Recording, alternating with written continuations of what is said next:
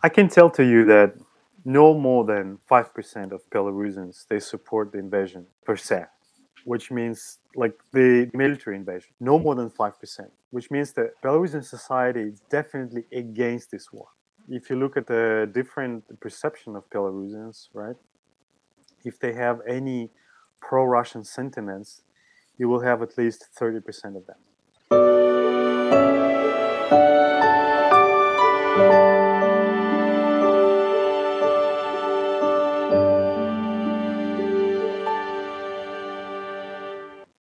Hello, everybody. Welcome to the new episode of Kiev Radio. We have a special guest today, Serge Narodsky, senior economist in Center for Social and Economic Research. Serge, welcome to our program. Hi, hi there. Thank you very much for having me here. I'm happy to be. Thank you. Well, I would like to start with the transformation of Belarusian society and politics. Um, the country is ruled by Alexander Lukashenko since 1994, and what we have seen in the last elections, the the people protested against fraudulent election results. Unfortunately, they failed. Uh, can you tell us a little bit about the social transformation and politics in Belarus? Sure. Uh, though I'm not a politician, I mean, not a political scientist, I'm an economist, so I will have more economic perspective rather than or socio-economic perspective. Well, what, what we, the story goes like this: that in 2020 we had a, a presidential elections, and by all kind of measures, uh, Alexander Lukashenko lost it. And we have a new president. We had to have a new president, Ms. Tikhanovskaya and what they did, in fact, what the, the authorities, Belarusian authorities did, they just changed the the numbers between the Lukashenko mm-hmm. and uh, and um, Ms. Tikhanovskaya. And he again, Mr. Lukashenko again got 80% and around 80%, and this was, of course, uh, absolutely fraudulent result. Um, in fact, Mrs. Tikhanovskaya had to leave the country. She's now based in Vilnius in Lithuania. But why this has champ- why this happened is that um, I think over the last five uh, before 2020 over the last five years uh, Belarusian government and the administration of Mr. Lukashenko they got they had a few very critical mistakes and uh, the, the first mistake was the situation with the COVID basically mm-hmm. the authorities in Belarus totally ignored the COVID they said, well, it's not really dangerous. You can cure yourself with vodka or whatever it is. They were not really serious about it. No, absolutely no lockdowns in Belarus. People had to go to the jobs as they used to go. So basically, it was up to you. If you're if you're sick, then you go to hospital, and well, nobody knows what how, how you will end up. People didn't like this, of course. This was one of the um, key mistakes, I guess. And other mistakes were mostly economical, um, of the economic background. Um, the country didn't develop as it could develop. Basically, uh, the economic situation um, in Belarus, uh, the um, the divergence between Belarus and their neighbors, it was still growing. I mean, the divergence in terms of incomes and in terms of the quality of life uh, Belarus was developing less and uh, not that fast as, for instance, Lithuania or Poland. You know, the average growth prior to 2020 was around um, between 1.5 and 2 percent, which was okay for a, a big country like a developing country, but it was definitely not okay for a developing country. A developing country has to develop much faster to catch up and if Poland develops four or five percent, even Russia develops faster than Belarus, then basically the real income and real economic situation of people it goes down.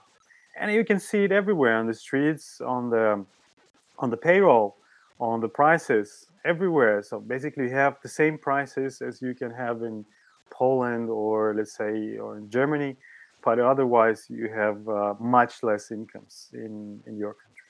So I would say these two key factors they they they they um, they were the key reasons that Lukashenko lost the elections. And we we have a few um, we I mean the, the society, Belarusian society, we have a few proofs that um, Ms. Tikhanovskaya she's got more votes than Mr. Lukashenko. How do you see the future of the government in Belarus? I mean, can the leader of the opposition, Svetlana Tikhanovskaya, have a chance to succeed in the next step? We all don't know, of course. She is now in exile.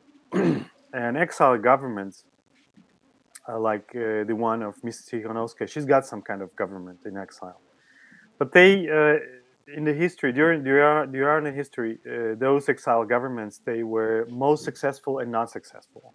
I would say mostly non-successful. So we cannot say if she will be able to come back and say, "Yeah, here I'm back and I am your new president, and let's let's let's have a new strategy. Let's mm-hmm. have a new Belarus since now." We don't know. We still hope it will be. Mm, we have some examples from the 20th century when these exile governments and exile leaders they came back to the to the country and they were, of course, very much welcomed by people. Um, the uh, the future of present government. Um, you know, nothing really changed since last thirty, almost thirty years of uh, Mr. Lukashenko's twenty-eight years of Mr. Lukashenko's rule. His government is um, is um, a group of group of absolutely loyal people to him. This is um, I wouldn't say it's government. This is just a set of um, people who makes and who implements the decision, who is just done by one man, basically. And this is how the situation looks in Belarus. This is typical authoritarian uh, regime and authoritarian decisions made by one people, and the government is just doing everything that this single person wants to do. So um, we will have changes not when Miss Tikhanovskaya will come back, but when people will be ready again to um, to protest, to strike, uh, to go out on the streets. We had this in 2020, but unfortunately, Belarusian people and in civil society will lost it because these were absolutely uh, peaceful protests. You know, non-violent protests, and everywhere, every single leader or um, influencer in Belarus, everybody was saying, "Look, guys, look, people, we don't want violence on the streets. We wanted absolutely peaceful protest." And this is how it used to be. Um, I went there uh, personally, and um, it was it was a nice a nice time. Unfortunately, we lost because, of course, these government people they used some power against us, and this power they will be still using in the, in the coming months, in the coming years, I guess, before there will be some changes in both, um, you know, geopolitical situation in the world or also in Belarus. Yeah, this is how it works in authoritarian regimes. As you as you mentioned, Belarusian society wants to change in the country, and we were very close to it in 2020 but uh, what we have seen is that during the Ukrainian invasion, Belarus became a footstep for Russian army. And in the beginning of the war, I have expressed that before Ukraine, Belarus has been invaded by Russian army. It was like a fait accompli, and Putin just put his soldiers to Belarus without a war. So, how do you evaluate the country's position in the case of the war? Oh, it's a very huge question. I will let me start from the different perspective. The comparison. It's a good. Uh, what you have said it was basically true. We had too many Russian army guys uh, army forces in Belarus prior to 2020 and in 2020 and 21 and of course in 2022 prior the invasion. Yeah, we can say we are invaded, uh, but mostly in the minds of the government and the minds of the um, decision makers right now. Because Mr. Lukashenko and his closest um, team, they are all supporting Russian position on Ukraine. And this is very important, not only today, but it was prior 2022. Prior to the invasion of Russia into Ukraine, they were all supporting them and they were doing everything that Russia basically wanted to do. So when we say an invasion, uh, the good uh, comparison is that look at and uh, for instance in Kherson region right now, Kherson, the one which is occupied on the south, which is occupied yeah. right now by mm-hmm. Russian army. Um, what what people do, what Ukrainians do there, inside they cannot fight that. Yeah, they do some partisan moving movements. They do some some some you know some minor damages to the Russian soldiers, but again, this they cannot change the situation from inside there in Kherson region. What they want and what they need is the in Ukrainian army um, releasing them from uh, from from from this invasion, right? And this is what basically happened to Belarus. We were struggling. We were doing. We were going out on the protest, like people in Kherson. They're still going out on protest, and this is what we are doing. We're going out protesting. We're doing some partisan movement. People were fighting against the Russian army and also Belarusian army armies. They were not. They were. They were trying not to allow Russian army to go in through Belarus. You know, they were, for instance, doing some railway uh, damages uh, or let's say some some road damages sometimes on the or for instance ex- information exchange. Very important was information exchange that belarusians um, whenever belarusians saw the, the movement of the russian army uh, they reported it to a special channel the telegram channel and everybody could see what is happening in uh, in belarus how the movement on the Russian army is going on. And for instance, the, the same is is up about the rockets.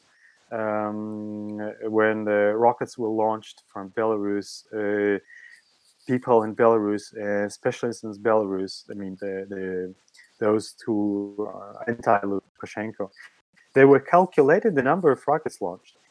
And so that Ukrainians right now they have the proof and they know from where they.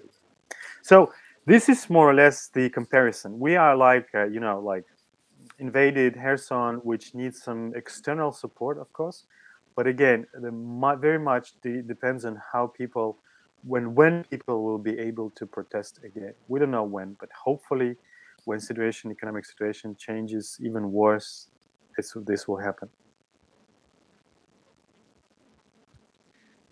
Well, you have mentioned that we have seen Belarusian volunteers join the Ukrainian army and there are some sabotage operations against the Russian army. How do you observe the Belarusians feel about the Ukrainian war?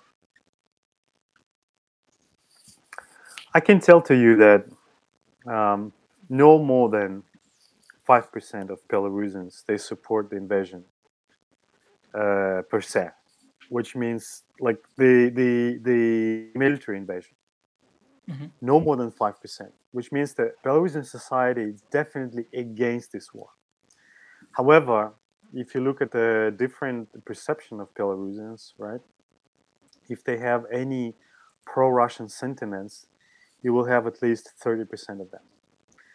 Which means that they kind of they we support Russia. We understand why is this going on. We kind of listen to Russian uh, TV and Russian propaganda, and we kind of they do believe that this, for instance, uh, there were some, you know, that uh, that they believe that Russians should have occupied Crimea, for instance, in 2014, but they are against the war, and this is very important.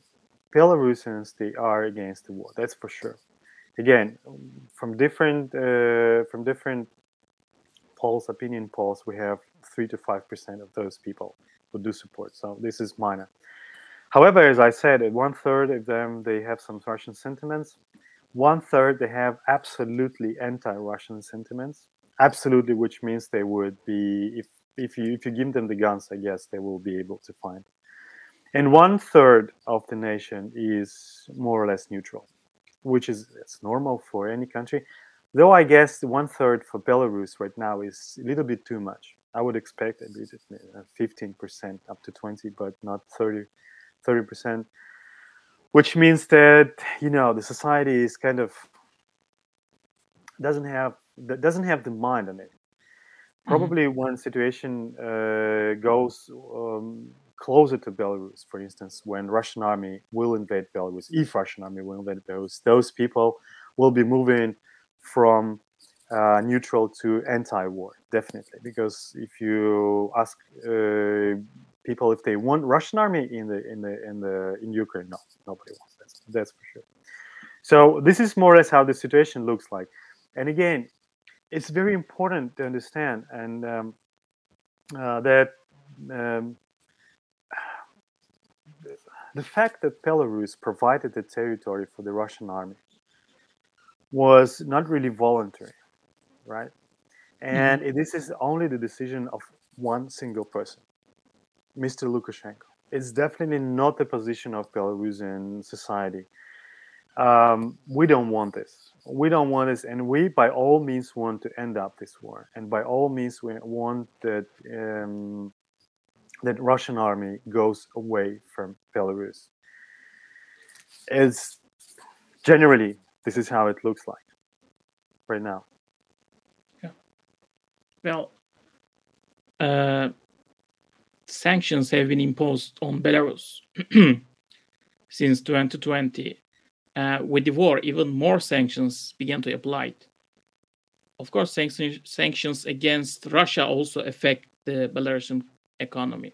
So, how do the sanctions affect the Belarusian economy in general? Um, let me also start from the uh, from from from the bigger perspective. We think that uh, thanks to Belarus, basically uh, Western countries could impose sanctions on Russia very fast, very rapid. Because uh, in 2020, when uh, Lukashenko pronounced himself a president, an elected president, uh, there were, mm, you know, uh, six packages of sanctions from the European Union, and also from the United States and many other countries, Western countries, and they were very, very, very slow. That's true. So they were step by step. You know, they were discussing what to do, how to do. I mean, Western countries, how to do this, and also, as in case of um, European Union, not many decision makers were really wanting to do to impose those sanctions. They say, no, you know, it's gonna, it's not going to affect the government. It's going to affect mostly uh, mm-hmm. normal people. Well, at some point, it's true. At some point, point it's true. But again, um, I'm as a liberal economist for, uh, for throughout my career, I was very much against sanctions. But in this situation, when you have absolutely violent government, an absolutely violent president, a, a dictator, you have to uh, do some um, sanctions. They do not sanctions play the role of of some help to those who struggle inside.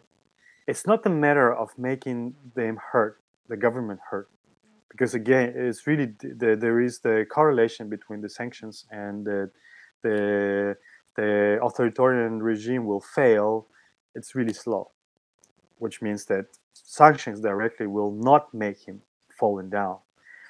And they do imp- impose the normal people, but sanctions do help those who fight within the country. They give them some power and they give them some uh, feeling of support from the West. This is very important, really. And also, sanctions have to be, you know, growing which means that if you're not if you're not moving to the right directions, then sanctions are growing more and more. And this is what happened in, in case of Belarus. So when the, in Russia invaded Ukraine, Western countries they had already this experience of uh, imposing sanctions on Belarus, and they also had some experience of discussing very um, deep sanctions like um, uh, dislaunching from SWIFT, for, for instance, of Russian banks. Because dislaunching from SWIFT, uh, there's a huge lobby in European Union of not doing this, and also in the United States. But, but, right, Western world and Western countries were very fast to do it, and again, thanks to the this, so thanks to the experience that they had in, in case of Belarus. How they how they influence Belarusian economy well, um, we only see uh, by some um, coincidence we see that the real uh, impact of sanctions started from only March this year. Though they were imposed step by step since end of 2020 and mostly 2021, the real impact it has started only in March and uh, February, March 2022, which means they had they need some half a year or even a year sometimes to to to work and to have a real impact. Um, and it also this coincided with the start of the war. So this was really uh, it was really interesting to watch the statistics like Russian army invades Ukraine and suddenly Belarusian GDP falls rapidly. Right now, Belarusian GDP is down around 5% year to year, which is not huge mm, considering the amount of sanctions which are which are imposed on them.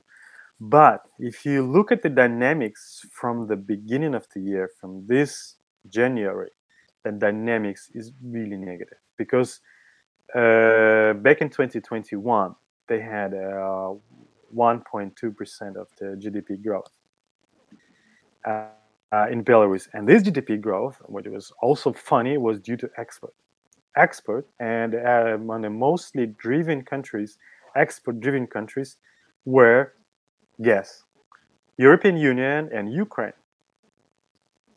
Which means that this, despite the sanctions, despite all these talkings about you know disliking Mr. Lukashenko, European Union uh, continued to buy Belarusian goods, and Ukraine also continued to buy Belarusian goods a lot. And this export uh, was helping uh, GDP growth and was the key driver of the GDP growth in 2021. And now the dynamic, since the beginning of the year, the dynamic of the GDP is going very, you know, sharply down. Uh, so we can say that since the beginning of the year, since the uh, the growth we they had around up to eight percent of fall which is which is quite a lot. Another point, uh, if I may add, is that the it is important that Belarus and Russia have the same sanctions. It's really important because mm, otherwise one of the two countries will be used to avoiding the sanctions. And this is what basically happened already.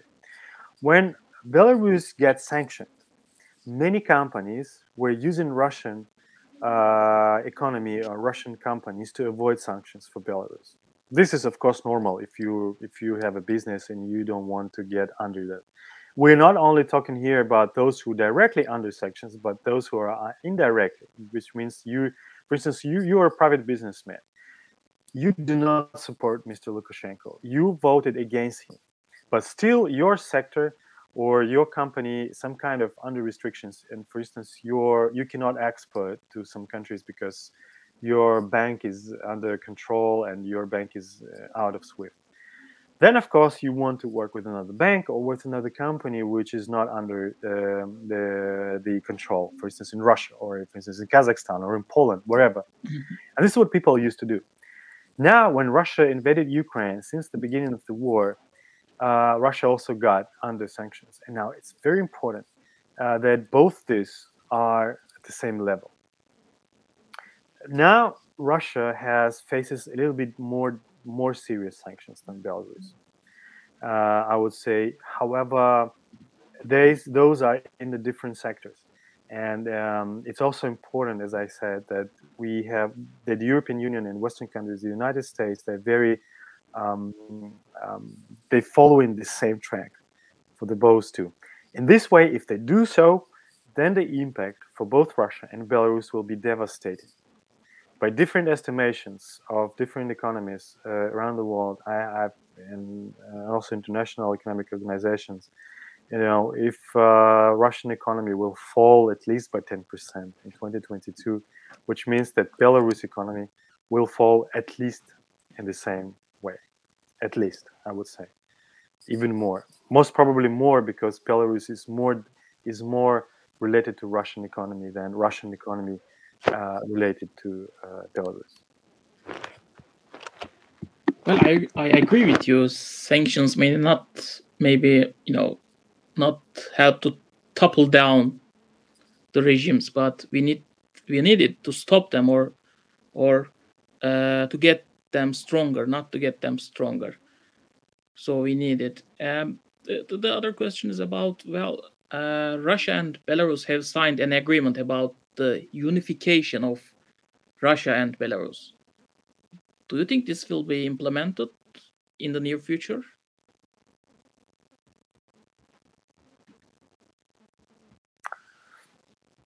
Um, we have to monitor uh, the implementation of this in the coming months, in the coming year, in this year, and after that, I will be able to answer you. Um, if they will be implemented, well, most probably yes. Most probably yes. However, you have to understand that this is not the merger of the two countries. It's not the merger of the two economies because the two economies already operate in the high, at the high, uh, at a high level of um, consistency, of a high level of uh, merger. I mean, the um, they have the common custom union and the common European uh, Eurasian uh, trade zone, which means that they are already incorporated in quite a lot of. Um, however, what um, if I could find some comparison, this is the beginning of the um, European Common um, Economic uh, zone, somewhere in let's say 60s, 60s or 70s in, in case of European Union, more or less. This is this is that amount of integration right now between Belarus and, and Russia. Uh, right now, they are working, or they have to work on the institutional unification, which means the legal background, of course, and fiscal backgrounds and monetary background, and so on and so forth. If this happened in the European Union in late 80s and the beginning of 90s, as you can remember, uh, this still is ahead of the two countries, right? They're still on the paper. What they signed up in 2021, this is not too much serious about institutional integration. No. Um, I would say this doesn't mean that Belarus will will be doing this, uh, will be having the same laws as Russia will be. No, no, no, absolutely no some you know some basic adoption or some basic um, unification yeah there is but again we're not talking about the fiscal unification that's for sure we're not talking mm-hmm. about monetary unification that's definitely for sure and we're not talking about things like um, um, laws and uh, judicial system which is also important which means that uh, the the trade law in Belarus and Russia they are still different. I mean, the the uh, within the country.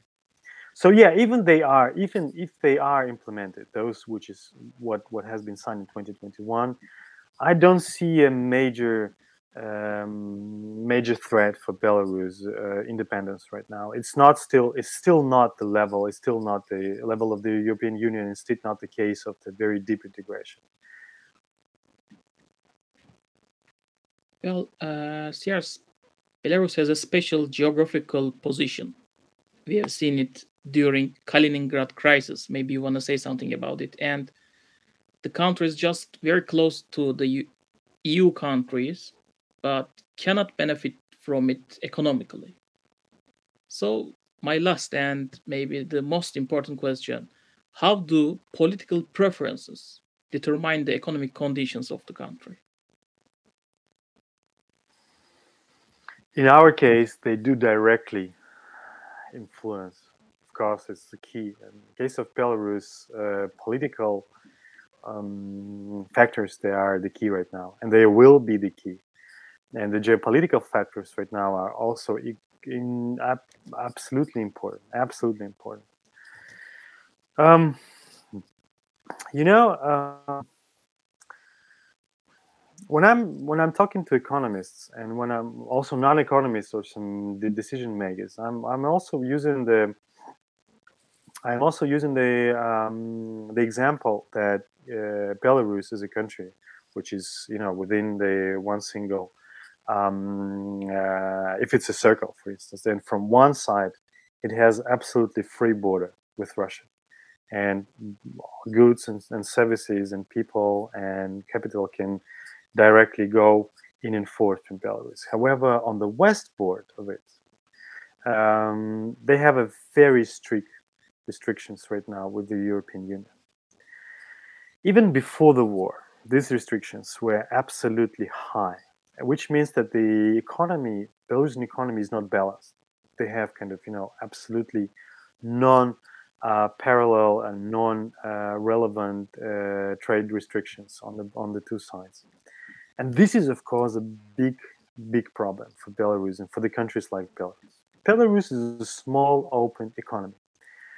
Uh, it's not too small, of course. It's it's it's still of the size of um, some average, uh, not average, but let's say um, close to the average European um, European ge- geographical European country's economy. But still, it's open economy, which means that the, its trade is more, it, it trades more than um, it produces. We have the amount of trade over the amount of GDP. And this means that Belarus lives from the trade. They have to trade. And when you when you live for the trade, you have to have the an open border it's absolutely huge mistake to have a closed and unbalanced economy like we used to have and we do have now. So even prior to the war, we could trade with the European Union much more, and we definitely had to have more free trade with European Union. Um, Belarus mostly provided the European Union with uh, fertilizers, um, refinery products, like diesel, uh, or, um, oil products, um, all kind of oil products, some uh, and also some food.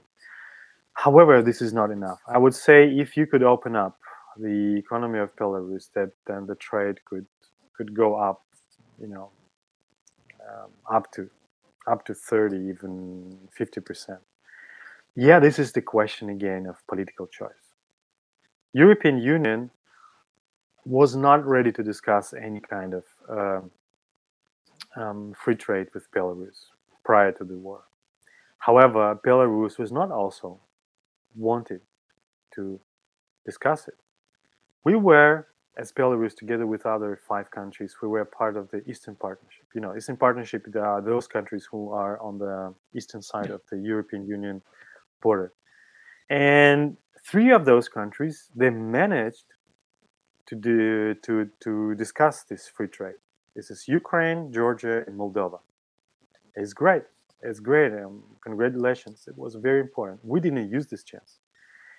There was Armenia, who is also a member of the Eurasian Economic Union, like we are, together with Russia and Kyrgyzstan. Uh, however, you, uh, Armenia they also started some kind of negotiations. Yeah, they were not talking about free trade agreement, no, but still we were talking about some kind of framework agreement that allows them to some to some um, easier uh, access of the Armenian goods to the European countries. Belarus didn't do this at all, and this is a huge mistake for Belarus is a huge mistake. And right now, after the beginning of the war, this of course only worsened. After the imposing, after impo- after the sanctions, uh, Belarus cannot trade with